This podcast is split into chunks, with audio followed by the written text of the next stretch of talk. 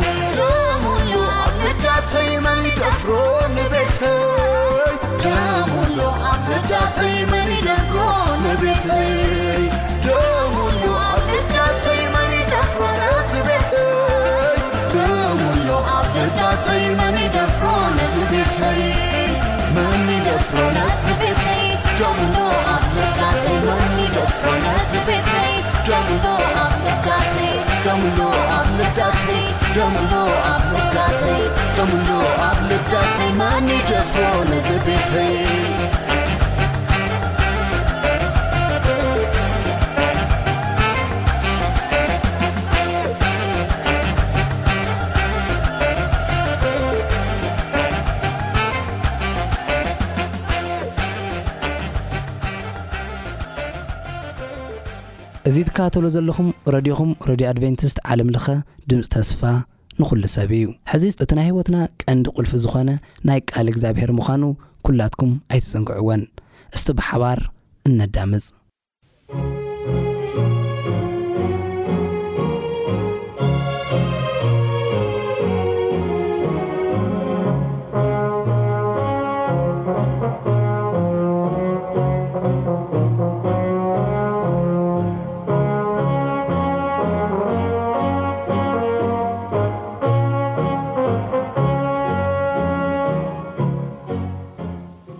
ሰላም ከመይ ፅንሑ ክቡራት ተኸታተልቲ መደብና እዚ ብዓለም ለኸ ኣድቨንስ ሬድዮ ናተዳልዎ ዝቐርበልኩም መደብኩም መደብ ቃል ኣምላኽ እዮ ብዝሓለፈ ናይ ቃል ግዜና ኣብ ቀዳማይ ጴጥሮስ ምዕራፍ ሓሙሽተ ካብ ሽዱሽተ ዘሎ ሓሳብ ጀሚርና ነርና ሎሚ ከዓ ናቱ መቐፀልታ ሒዞም ክቐርበ ክሳብ መወዳእታ መደብና ምሳና ክጸንሑ ዕድመና እዩ እናበልኩ ቅድሚ ኩሉ እግዚኣብሔር ምእንቲ ከምህረናን ክመርሓናን ሕፅር ዝበለ ጸሎት ንጸሊ እግዚኣብሔር ኣምላኽ ስለዚ ግዜን ሰዓትን ነመስግነካ ኣለና ሕጂ ድማ ቃልካ ከፊትና ኣለና እሞ ቃልካ ከተምህረናን ክትመርሓናን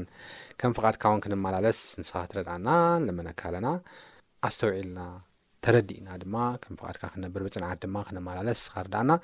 ብጎይታና መድሓና የሱስ ክርስቶስ ስም ኣሜን ኣብ ዝሓለፈ ናይ ቃል ግዜና ቀዳማይ ጴጥሮስ ምዕራፍ ሓሙሽተ ፍቕዲ ሽዱሽተ ትሒዝና ብ ነንብበሉ እዋን ኣብ ትሕቲ ፅንዕቲ ኢድ ኣምላኽ ብትሕትና ክንመላለስ እዚ ማለት ድማ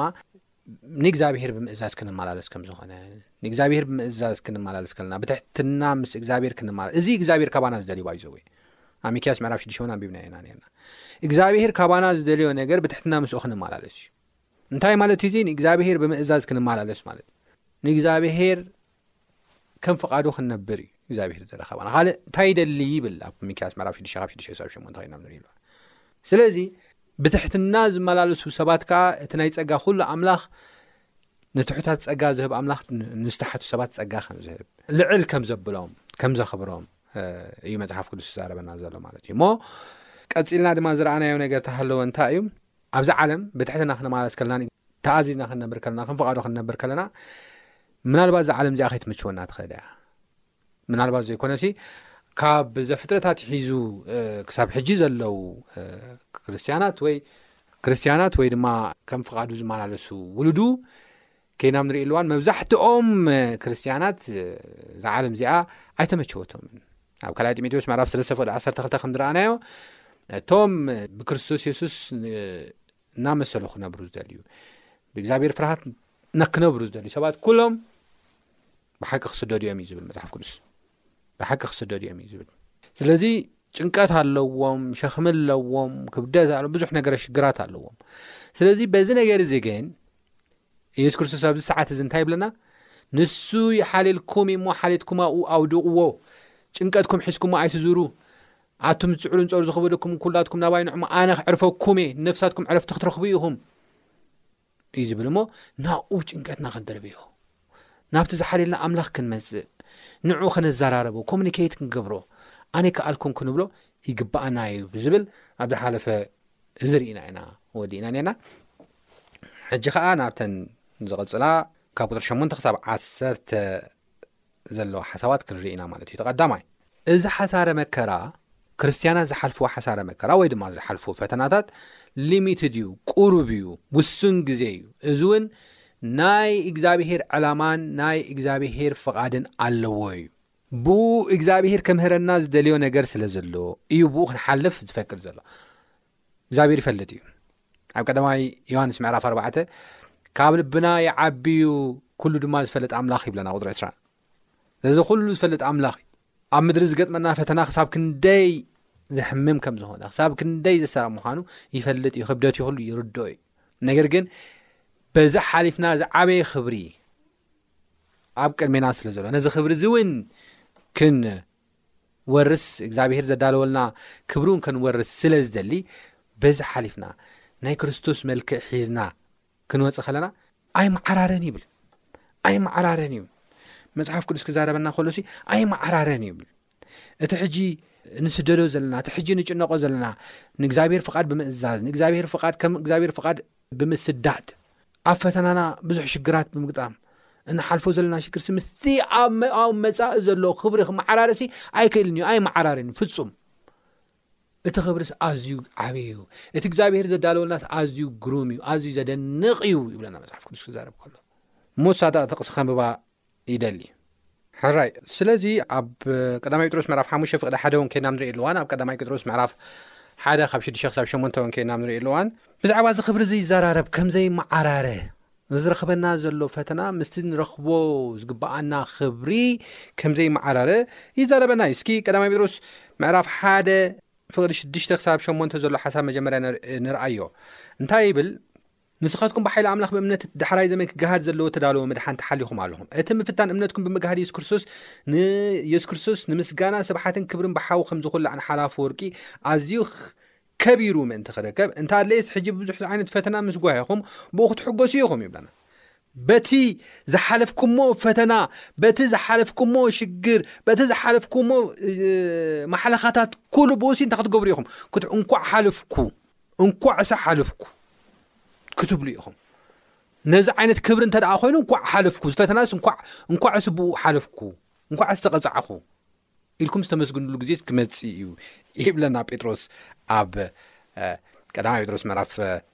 ሓደ ፍቕዲ ሽዱሽተ ክሳብ ሸውዓተ ኸይና ንሪኦ ኣለዋን ነዚ ከይረኣኹሞ ተፍቅርዎ ሕጂ ከይረኣኹሞ ብኡ እትኣምኑ ዘለኹም ነቲ መደምደምታ እምነትኩም ንሱ ድማ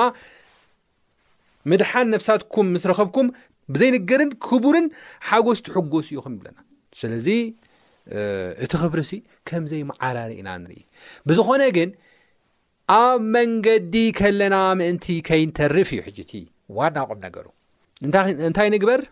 ምስ እግዚኣብሔር ብትሕትና ንመላለስ። እንታይ ንግበር? ሓልዮትና ኩሉ ኣብኡ ነውድቆ ዝበሃል ዘሎ ማለት እዩ። ርግፅ እዩ ኣብ ቀዳማ ጴጥሮስ ምዕራፍ ሓሙሽተ ከይና ንሪኦ ኣለዋ ናብቲ ሓሳብና ንምለሰሉ እዋን እንታይ እዩ ዝብል ዲያብሎስ እቲ መፃርትኹም ዝውሕጦ ደልዩ ከምዚ ጓዘም ኣንበሳ ኮይኑ ይዘውር ኣሎ እሞ ተጠንቀቑ ንቕሑ ይብለና ድያብሎስ ዋና ዕላምኡ ዋና ድሌቱ እንታይ እዩ ኣብ ህይወትና ክንብል ከለና እታ ዋናን ወሳንን ድሌቱ ሓሳቡ ናይ ዲያብሎስ ኣብ ዘውልቁ ምዕራፍ 23 ክሳብ 25 ዘሎ ሓሳብ ተገሊፃ ኣላ ኣብ ናይ በልኣምን ባላቅን ዘሎ ዝርርብ ማለት እዩ እንታይ ኢልዎም በልኣም ነቶም ናይ ባላቅን ነቶም ሓላቕቱ በዓል ስልጣናት ናይ ባላቅን እንታይ ኢልዎም ነዞም ሰባት እዚኦም ብጀካ እታ ብ ኣምላኽ ዘላ ምእዛዞም ካልእ ምንም ክፍተት ክትረኽብሎም ኣይትኽእሉን ኢኹም። ዝተመረቐ ህዝቢ እዩ፣ ዝተባረኸ ህዝቢ እዩ። ስለዚ በቲ ተረገምካ ቦታ ተቐየርካ፣ ገንዘብ ተሃብካ ተኣሽሙ ተገበርካ፣ ክብርን ስልጣንን ተሃብካ ምንም ክትረኽብሎም ኣይትኽእልን ኢኻ። እቲ ዋና ዓላማ ነዚ ህዝቢ እዚ መቕዘፍቲ ክመጾ ዝኽእል ንኣምላኽ ብዘይምእዛዝ ጥራሕ እዩ። ንኣምላኽ ተደይ ተኣዚዙ ባዕሉ መቕዘፍቲ ባዕሉ ክጠፍእ እዩ።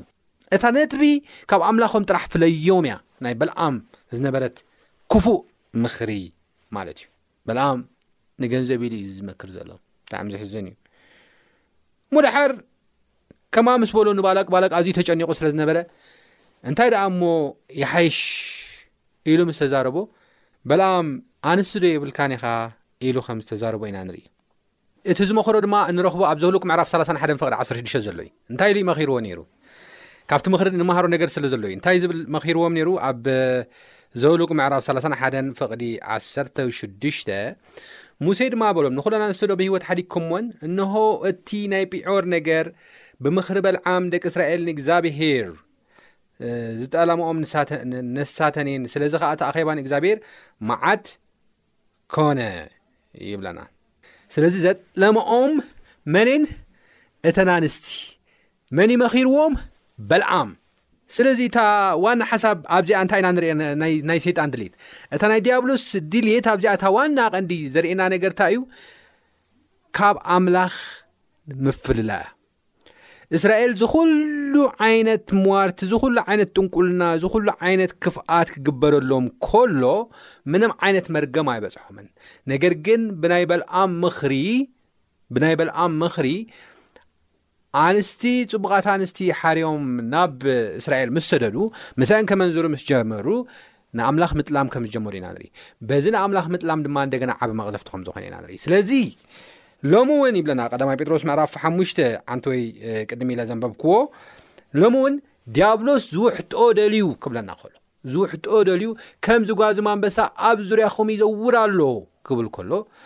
እታ ምስ ኣምላኽ ዘላትኩም እምነት እታ ምስ ቃል እግዚኣብሄር ዘላትኩም ርክብ እታ ኣብ ውሽጥኹም ዘላ ፍርሃት ኣምላኽ ናይ ኣምልኾ ድሌት ንሳ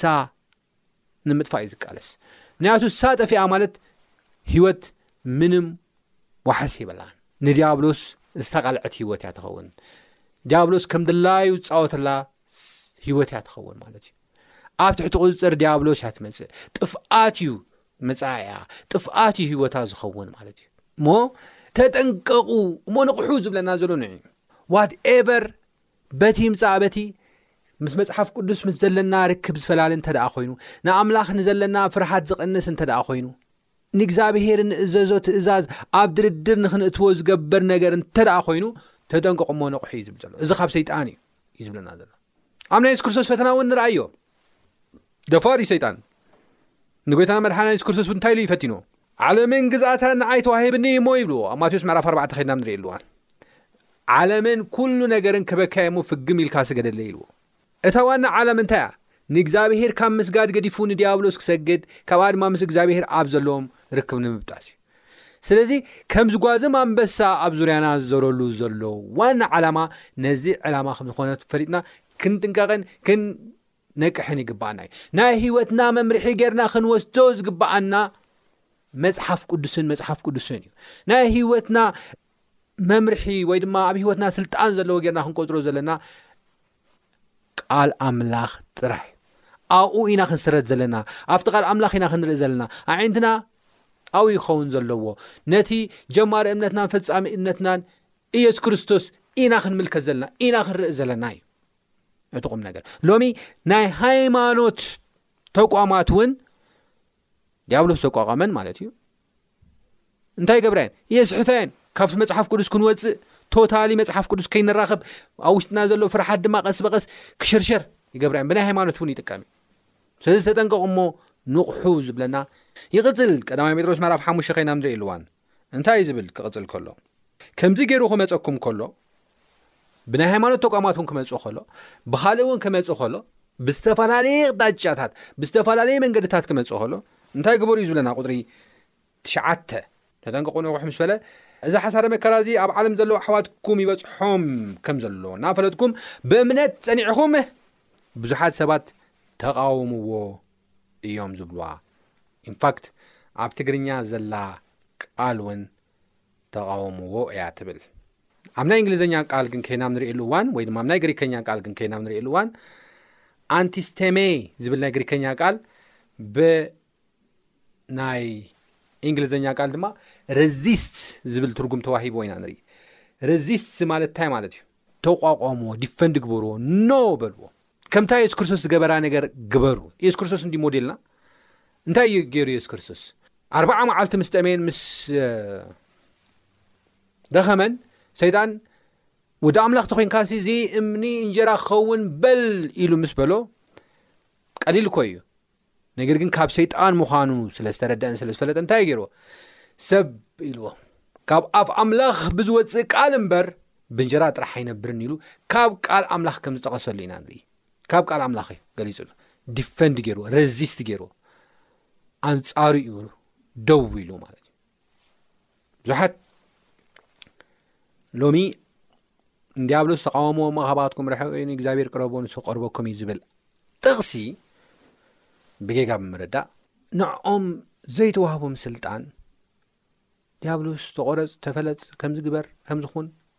ተኣሽሙ እናበሉ ክዛረቡ ንሰምዐን ንርእን ኢና ኣብ ድያብሎስ ክፈርዶ ከለዎ። ኣብ ድያብሎስ ናይ ምፍራድ ስልጣን እግዚኣብሔር ጥራሕ እዩ ዘለዎ ሰብ ኣይተዋህቦን። ስለዚ ድያብሎስ ዝቆረጽ ተፈለጽ ኢልካዮስ ክሳዕ ሕጂ ተቆርጸን ክሳዕ ሕጂ ይሰርሕ ኣሎ እዩ። ኣነ ዝነበርኩሉ ግዜያት ከምኡ ዝብሉ ሰባት ብዙሓት ነይሮም እዮም ግን ስቲል ነው ኣሎ ሓይሊ ዘይብሉ ጸሎት እዩ ካብ ቃል ኣምላኽ ወፃኢ ዝኾነ ጸሎት እዩ ሓይሊ ዘይብሉ ጸሎት እዩ ስለዚ እንታይ ደኣ ንድያብሎስ ተቋቋምዎ እምቢ በልዎ ነቲ ዘቕርቦ ሓሳብ ኖ በልዎ ኢሉ ኢየሱስ ክርስቶስ ከማይ ኢልዎ ወዲ ኣምላኽ ተኾይንካስ እዚ እምኒ እንጌራ ክኸውን በል ምስ በሎ ሰብ ካብ ቃል ኣምላኽ ብዝወፅእ ቃል ደኣ መርብ እንጀራ ጥራሕ ኣይነብርን እዩ ድሓር ናብ ዓበይቲ ኸተማ ምስ ኣውጽኦ ኸኣ እንደገና እንታይ ገይሩ? እዚ ኹሉ ኹበካ እያሞ ፍግም ኢልካ ስገደለይ ምስ በሎ ንእግዚኣብሔር ኣምላኽካ ጥራሕ ስገድ ንዑዑ ጥራሕ ኣምልኽ ተባሂሉ ተጻሒፉ እዩ። እንደገና ኢሉ ከም ተዘረበ ኢና ንርኢ መልሹ እንደገና እግዚኣብሔር ንኸይትዕንቀፍ ስሌኻ መላእኽቲ እዝዝ እዩ እሞ እዚ ዝተኮይኑ እዚኣ ቃል እዚኣ ተኣምና ተኮይንካ እንደገና ፅደፍ እስኪ ክንሪያ ምስ በሎ ድማ እግዚኣብሔር ኣምላኽካ ኣይትፈታተን ተባሂሉ ተፃሒፉ ኢሉ ከም ዝመለሰሉ ኢና ንርኢ ስለዚ የሱስ ክርስቶስ ኣብዚ ከይዲ እዚ ኣብ ዝመፅኦ ፈተናታት ኩሉ እንታይ እዩ ገይሩ? ከም ቃል ኣምላኽ እዩ ኦፖዝ ገይርዎ፣ ከም ቃል ኣምላኽ እዩ ዲፈንድ ገይርዎ፣ ተኸላኺልዎ፣ ረዚስት ገይርዎ ማለት እዩ። በዚ መልክዕ እዚ ኢና ክንጥንቀቕን ክንነቅሕን ዘለና። ኢየሱስ ክርስቶስ ዘርኣየና ኣርኣያ ምሳሌ ይኹንኩም እዩ ኖ ኢና ክንብሎ ዘለና ናይ ሰይጣን ሓሳባት ማለት እዩ። ስለዚ ጸኒዕኹም ኖ በልዎ ንዲያብሎስ ኣይከውንን ይበልዎ ንዳይብሎስ ሓሳባት ኩሉ እስኻ ብ ህይወተይ ክትገዝእ ኣይትኽእልን ኢኻ ኣነ ህይወተይ ንእግዚኣብሄር ኣምላኽ ዝሃብኩ ሰበ ክንብል ይግባኣና እዩ ጸንዕና ብብዙሕ መንገዲ ክመጽእ ይኽእል እዩ ብጎኒ ብታሕቲ ብሃፍቲ ብድኽነት ብስደት ብዝተፈላለየ መንገዲ ክመጽእ ይኽእል እዩ ነገር ግን እግዚኣብሄር ሰናይ እዩ ሰናይ ከም ዝኾነ ፈሊጥና ድማ ንዑ ክንስዕብ ይግባኣና እዩ እዚ እቲ ቁም ነገር ጸኒዕና ክንቃለሶ ዘለና ነገር ማለት እዩ ናይ ዲያብሎስ ሓሳብ ካብ ቃል እግዚኣብሄር ወፃኢ ዝኾነ ነገር ብዝተፈላለየ መንገዲ ይምፃእ ንክንብሎ ዘለና ነዚ እዩ ክብል ይደሊ እዚ ምስ ገበርና እቲ ብክርስቶስ የሱስ ናብ ናይ ዘለኣለም ክብሩ ዝፀውዓኩም ኢየሱስ ናብ ናይ ዘለዓለም ክብሩ ዝፀውዓኩም ጎይታ ኣምላኽ ኩሉ ጸጋ ቁሩብ ግዜ ሓሳረ መከራ ምስ ጸገብኩም ንሱ ከፈጽመኩም ከበርትዓኩም ክስርተኩም እውን እዩ ይብለና ንሱ እዩ ኣብዛ ብፈተና ዝተመልአት ሽግር ዝተመልአት ዓለም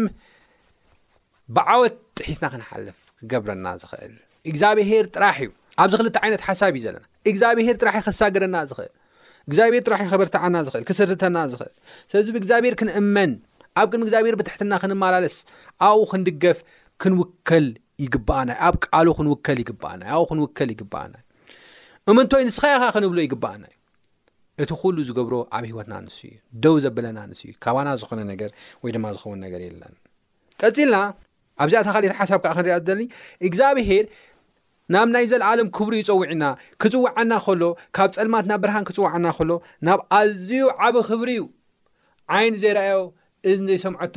ኣብ ልቢ ሰብ እውን ዘይተሓስበ፣ እግዚኣብሄር ንዝፈትውዎ ዘዳለወሎም ንኸብሩ ሰናይ እዩ ጸውዒና እምበር፣ ብመከራ ንኽንሓልፍ ኣይኮነን ጸውዒና። ነገር ግን ብመከራ ቁሩብ ግዜ ንኽንሓልፍ ይፈቅድ እዩ። ክንቅረጽን ክንልወጥን፣ ንክርስቶስ መሲልና ድማ ክንዓብን ማለት እዩ። ስለዚ በዚ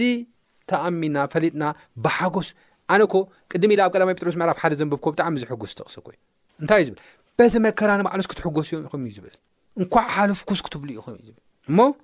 በዚ መልክዕ እዚ ንሕና እንታይ ክንገብር ይግባኣና ማለት እዩ ብእግዚኣብሄር ሙሉእ እምንተና ጌርና ብሓጎስ ክንሓልፍ ይግባኣና ኢንፋክት ፊልጵስ ምዕራፍ 4 ፍቅዲ 4 እንታይ እዩ ዝብል ዘሎ ብጎይታ ኩሉ ሳዕ ተሓጎሱ ደጊመ የብለኩም ኣለኹ ኩሉ ሻዕ እንታይ ግበሩ ተሓጎሱ እዩ ዝብል ስለዚ እናተሓጎስና ብእኡ ክንነብርን ከም ፈቓዱ ክንመላለስን ይግባእ እዩ። እወ፣ ቁጽሪ ዓሰርተ ሓደ ንዘለዓለም ኣለም ንኡ ክብርን ስልጣንን ይኹኖ ኣሜን ይብል ጴጥሮስ ክዛረብ ከሎ ክብርን ምስጋናን ንዑ እናሃብና ምክንያቱ እንታይ ዝብል መፅሓፍ ቅዱስ ክዛረበና ከሎ ኣብ መዝሙር ዳዊት ምዕራፍ 150 ናይ መወዳእታ ጥቕሲ እስትንፋስ ዘለዎ ኩሉ ሃፍታም ይኹን ድኻ፣ ኣብ ጽቡቕ ደረጃ ይሃሉ ኣብ መከራ፣ ኣብ ስደት ይሃሉ ኣብ ምቾት፣ እስትንፋስ ዘለዎ ኩሉ ንእግዚኣብሔር የመስግን ምኽንያቱ እግዚኣብሔር ሰናይ እዩ። ንዓና ዝሓስቦ ኣነ ዝሓስበልኩም ሓሳብ ይብል ኤርምያስ ምዕራፍ 29 ፍቕዲ 11 ኣነ ዝሓስበልኩም ሓሳብ እሳም ብምንባብ ክውድእ ይደሊ ሓሳበይ ኣነ ዝሓስበልኩም ሓሳብ ናይ ሰላም እምበር ናይ ክፉእ ኣይኮነን ይብል ኤርምያስ ምዕራፍ ዕስራን ትሽዓተን ፍቅዲ ዕስ ዓሰርተ ሓደ እዚ ክዛረብ ከሎ ይሁዳ ብባቢሎን እያ ትውረር ነይራ እዚ ክዛረብ ከሎ ባቢሎን እናመፁ ገዛውቶም እዮም ዘፍርስሎም ዘለዉ መናእሰያቶም እዮም ዝወስድሎም ዘለዉ ዝማርኽሎም ዘለዉ ኣብዚ ግዜ እዚ እዩ እግዚኣብሄር ብኤርምያስ ዝለኣኾ ሓሳብ እዩ ኢብን ኣብ ስደት እኳ ኮንካ ኢብን እኳ ደቅኻ እናተማርኹ ኢብን እቲ መሬትካ እኳ ብባቢሎን እናተወረ እዩ ዝብሎም ዘሎ እግዚኣብሄር ብኤርምያስ ገይሮ ዝዛረቦም ዘሎ እግዚኣብሄር ሰናይ እዩ ዝሓስቦ ነገር ድማ ንፅቡቕ እዩ ኢሉ ክዛረቦም ከሎ ኢና ንርኢ ከመይ ገይሩ ክኸውን ይኽእል ኣእምሮና ክቕበሎ ይክእልን እዩ ኣምርኮ ከመይ ጌርካ ፅቡቅ ክርከብ ይኽእል ክንብል ንኸውን ንኽእል ኢና እሱ ሕጂ ንትንትኖ ቃል ኣይኮነን ብርግጽ ነገር ግን መጀመርያ ኤርምያስ መርፍ 2ሸ ከምብባ ሞድሓር ናፍቲ ሓሳብ ንእሽተ ሂበ ክወድእ እደሊ እንታይ ይብል ኣነ ዝሓስብልኩም ዘለኹ ሓሳብ እፈልጦ እየ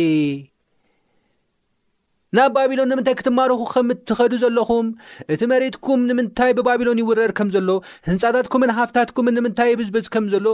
ኣነ ዝሓስብልኩም ሓሳብ እፍልጦ እየ። ብዘይ እግዚኣብሄር ፍልጠት እናኾነ ኣይኮነን ዘሎ እዚ ነገር እዚ፣ እፈልጦ እየ። ምፍላጥ ጥራሕ ግን ኣይኮነን፣ ብዘይ እግዚኣብሄር ኣፍልጦ ኣይኮነን እዚ ነገር ዝካየድ ዘሎ። እቲ ካልኣይ ሓሳብ እንታይ እዩ ዝብል ዘሎ? እፈልጦ ጥራሕ ዘይኮንኩስ መፈጸምታን ተስፋን ክህበኩምሲ ሓሳብ ደሓን ደኣ እምበር ናይ ክፉእ ኣይኮነን ይብል እግዚኣብሄር ስለዚ ናይ ደሓን ሓሳብ እውን እዩ እቲ ሓሳብ እዚ ተሓሲቡ ዘሎ እቲ ተወሲኑ ዘሎ ነገር ሓሳብ ደሓን እዩ መፈፀምታን ተስፋን ክበኩም መፃኢኹም ፅቡቅ ክኸውን ክትባርኹ ኣነ ብጣዕሚ ዝገርመኒ ኢሳያስ ምዕራፍ ስሳን ኣርባዕተን ክሳብ ስሳን ሽዱሽተን ዘሎ ሓሳብ ክትሪኡ ከለኹም ብጣዕሚ ከመይ ዓይነት ክብሪ እግዚኣብሄር ንህዝቡ ከም ዝህብ ዘርኢ ሓሳብ እዩ ዘለዋ እሞ መፈፀምታ ንደሓን ክብ እምበር ታእሽሙ ክኸውን ውርደት ክመፅእ ኣይኮነን እዚ ዝገብር ዘሎ ክብል ኮሎ ኢና ንርኢ ስለዚ ክትፅውዕኒ መፅኹም ድማ ክትልመኒ ኢኹም ኣን ድማ ክሰምዓኩም ብምሉእ ልብኹም ተደሊኹምኒ ክደልኒ ክትረኽቡን ይኹኑ ክርከበልኩም ንምምራኽኩም ክመልሶ ናብ ኵሎም እቶም ናባታቶም ዝሰጐግኩም ህዝብታትን ስፍራታትን ድማ ክእክበኩም እየ፣ ናብቲ ኻብኡ ዝማረኽኩም ስፍራ ኽመልሰኩም እየ ይብል እግዚኣብሄር። እግዚኣብሄር ካብ ባቢሎን ነቢያት ኣተንሲኡልና ኣሎ ትብሉ ኣለኹም። እግዚኣብሄር ብዛዕባ እቲ ኣብ ዝፋን ዳዊት እተቐመጠ ንጉስን ብዛዕባ እታ ምሳኻትኩም ዘይተማርሓ ኣሕዋትኩምን ኣብዛ ኸተማ እዚኣ ዝነብር ዘሎ ዅሉ ህዝብን ከምዚ ይብል ኣሎ እናበለ ይቕጽል። እና ሓሳብ ደሓን እዩ ክብል ኮለና ንርኢ ናይ እግዚኣብሔር ሓሳብ ኩሉ ግዜ ሰናይ እዩ ብዘ ናይ እግዚኣብሔር ኣፍልጦ ዝኸውን ነገር የለን ግን እቲ ሓሳብ ኩሉ ግዜ ሰናይ እዩ ንቁሩብ ግዜ ንተወሰነ ግዜ ንሰብ ዓመት እዮም ተማሪኹም እግዚኣብሔር እውን ቀዲሙ ንሰብ ዓመት ከም ዝማረኹ እዩ ኣብዛ ሰብ ዓመት ድማ ኣምሂሩ ኣኽቢሩ ኣብ ምርኮ እውን ኣኽቢሩ ማለት እዩ። ነቶም ኣብኡ ዘለዉ ኑብካድናጻር እውን ወሲኹ ወንጌል ንኸምህሩ ገይሩ እዩ መሊስዎም። ስለዚ ምርኮኛታት ምርኮ መንፈሳዊ ማሪኾም ብዙሓት ነገስታት ከይተረፈ በዓል ስልጣናት ከይተረፈ ማሪኾም እዮም ተመሊሶም ብዙሓት እስራኤላውያን ገይሮም ማለት እዩ እሞ ናይ እግዚኣብሔር ሓሳብ ኣዝዩ ዘደንቕን ዝገርምን እዩ እሞ ንእግዚኣብሔር ክንእመን ብኡ ክንድገፍ ይግባኣና እዩ እዚ ክንገብር እግዚኣብሔር ፀጉ የብዝሓልና ኣብ ዝቐፅል ብካልእ ክሳብ ንራኽብ ሰላም ኩኑ ጎይታ ይባርኩም